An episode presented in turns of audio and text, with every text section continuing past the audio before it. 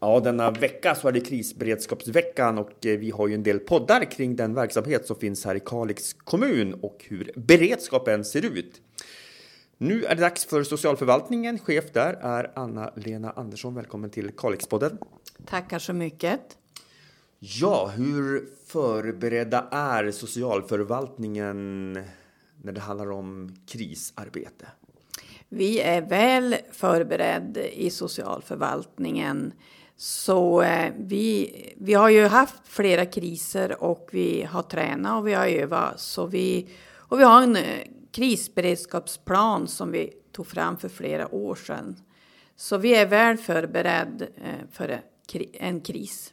Jag tänker så här, Anna-Lena. Socialförvaltningen är väl en komplex förvaltning med oerhört många medarbetare. Ni har väldigt många områden som ni jobbar med. Går det att förbereda sig på alla typer av kriser? För en kris kan ju te sig olika. Ja, alltså förbereda. Vi har ju gjort kontinuitetsplaner eh, överallt, men sen kan man ju inte i minsta detalj eh, veta åtgärderna. Men själva strukturen att finnas eh, i beredskap, finnas till, eh, hålla igång vid en kris och så får man ta problemen som de kommer och lösa dem. Den strukturen finns och den är väl etablerad och, och eh, vi i högsta ledningen är helt eh, införstådd i vad som krävs vid en kris. Hur är er krisorganisation organisationsuppbyggd? Den är uppbyggd så att vi har en som är eh, ansvarig, högst ansvarig och sammankallande. Och det är jag. Men jag sitter ju i den övergripande ledningen. Så då är organisationen så att jag har en biträdande socialchef som går in och tar vid och eh, leder och fördelar arbetet i krisen då.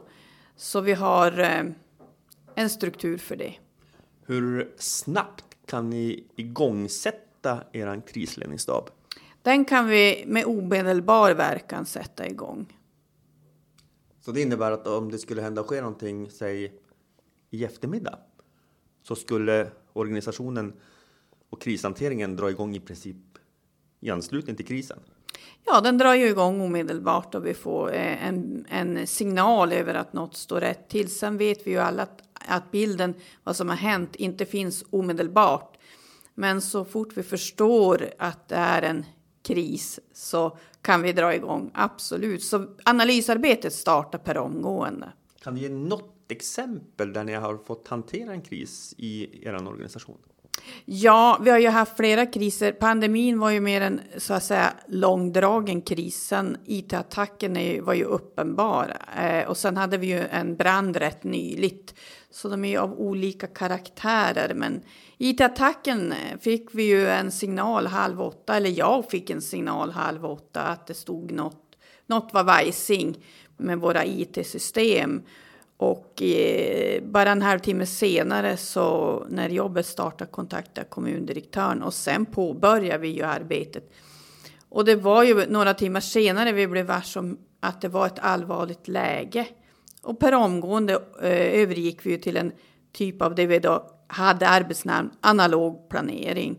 Så det gick väldigt snabbt. Vid en sån händelse, en sån extrem händelse, vad är det första man gör då i, i en kristab? Ja, alltså vi måste ju per omgående få en lägesrapport från fältet. Eh, hur, hur går det?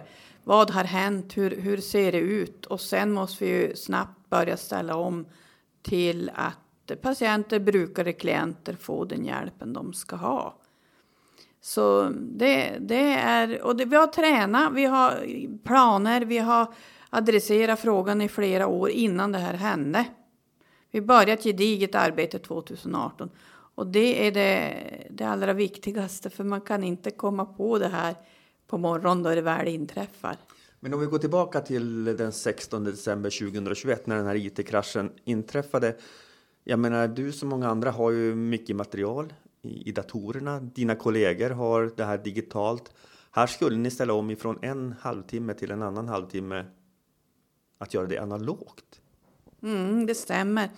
Och det bygger ju på att vi har eh, i kontinuitetsplanerna eh, en viss backup.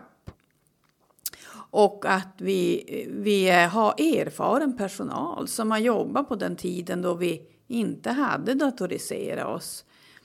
Så ehm, då blir ju steget inte så dramatiskt stort, även om det är dramatiskt. Så vi vet att det fungerar. Jag vet att, jag, att det fungerar.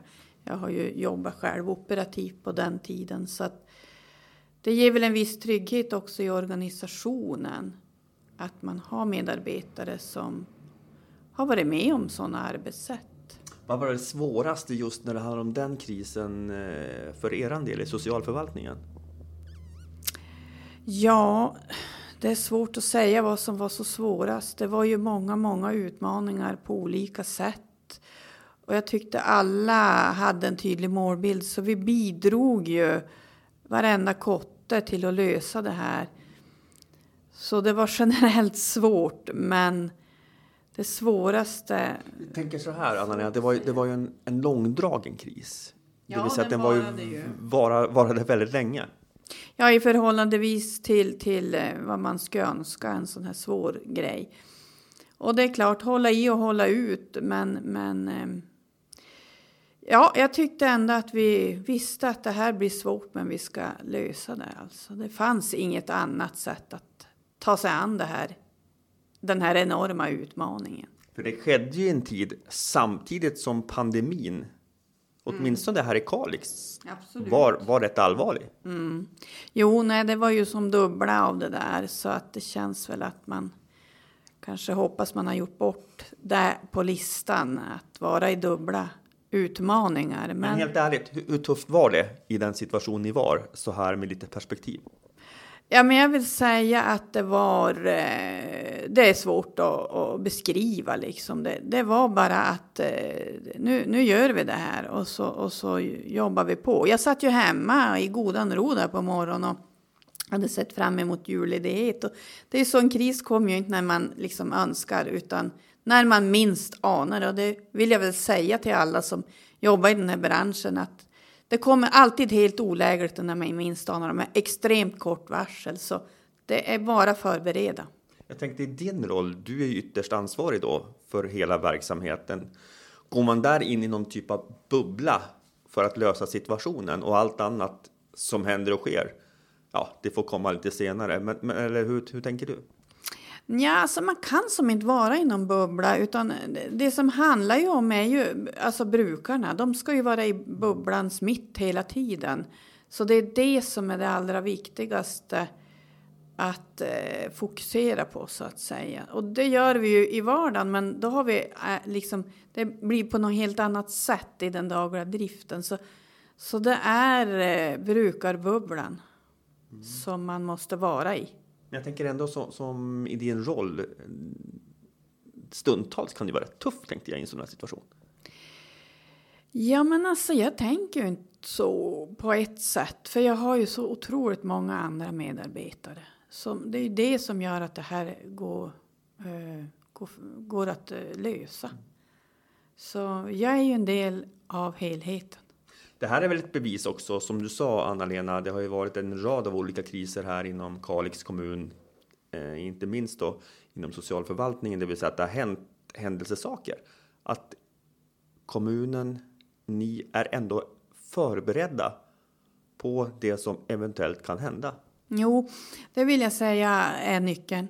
Att vi i socialförvaltningen är förberedda, men så också har ju pågått ett arbete i, i övergripande i kommunen som gör att den röda tråden finns.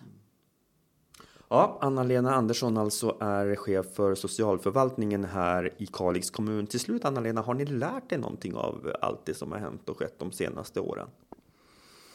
Oh, jag tycker man lär sig varje dag, men det här har ju varit en riktigt hård väg att lära sig. Men det som kommer ut av det här är ju att vi, vi, vi fixar det ju.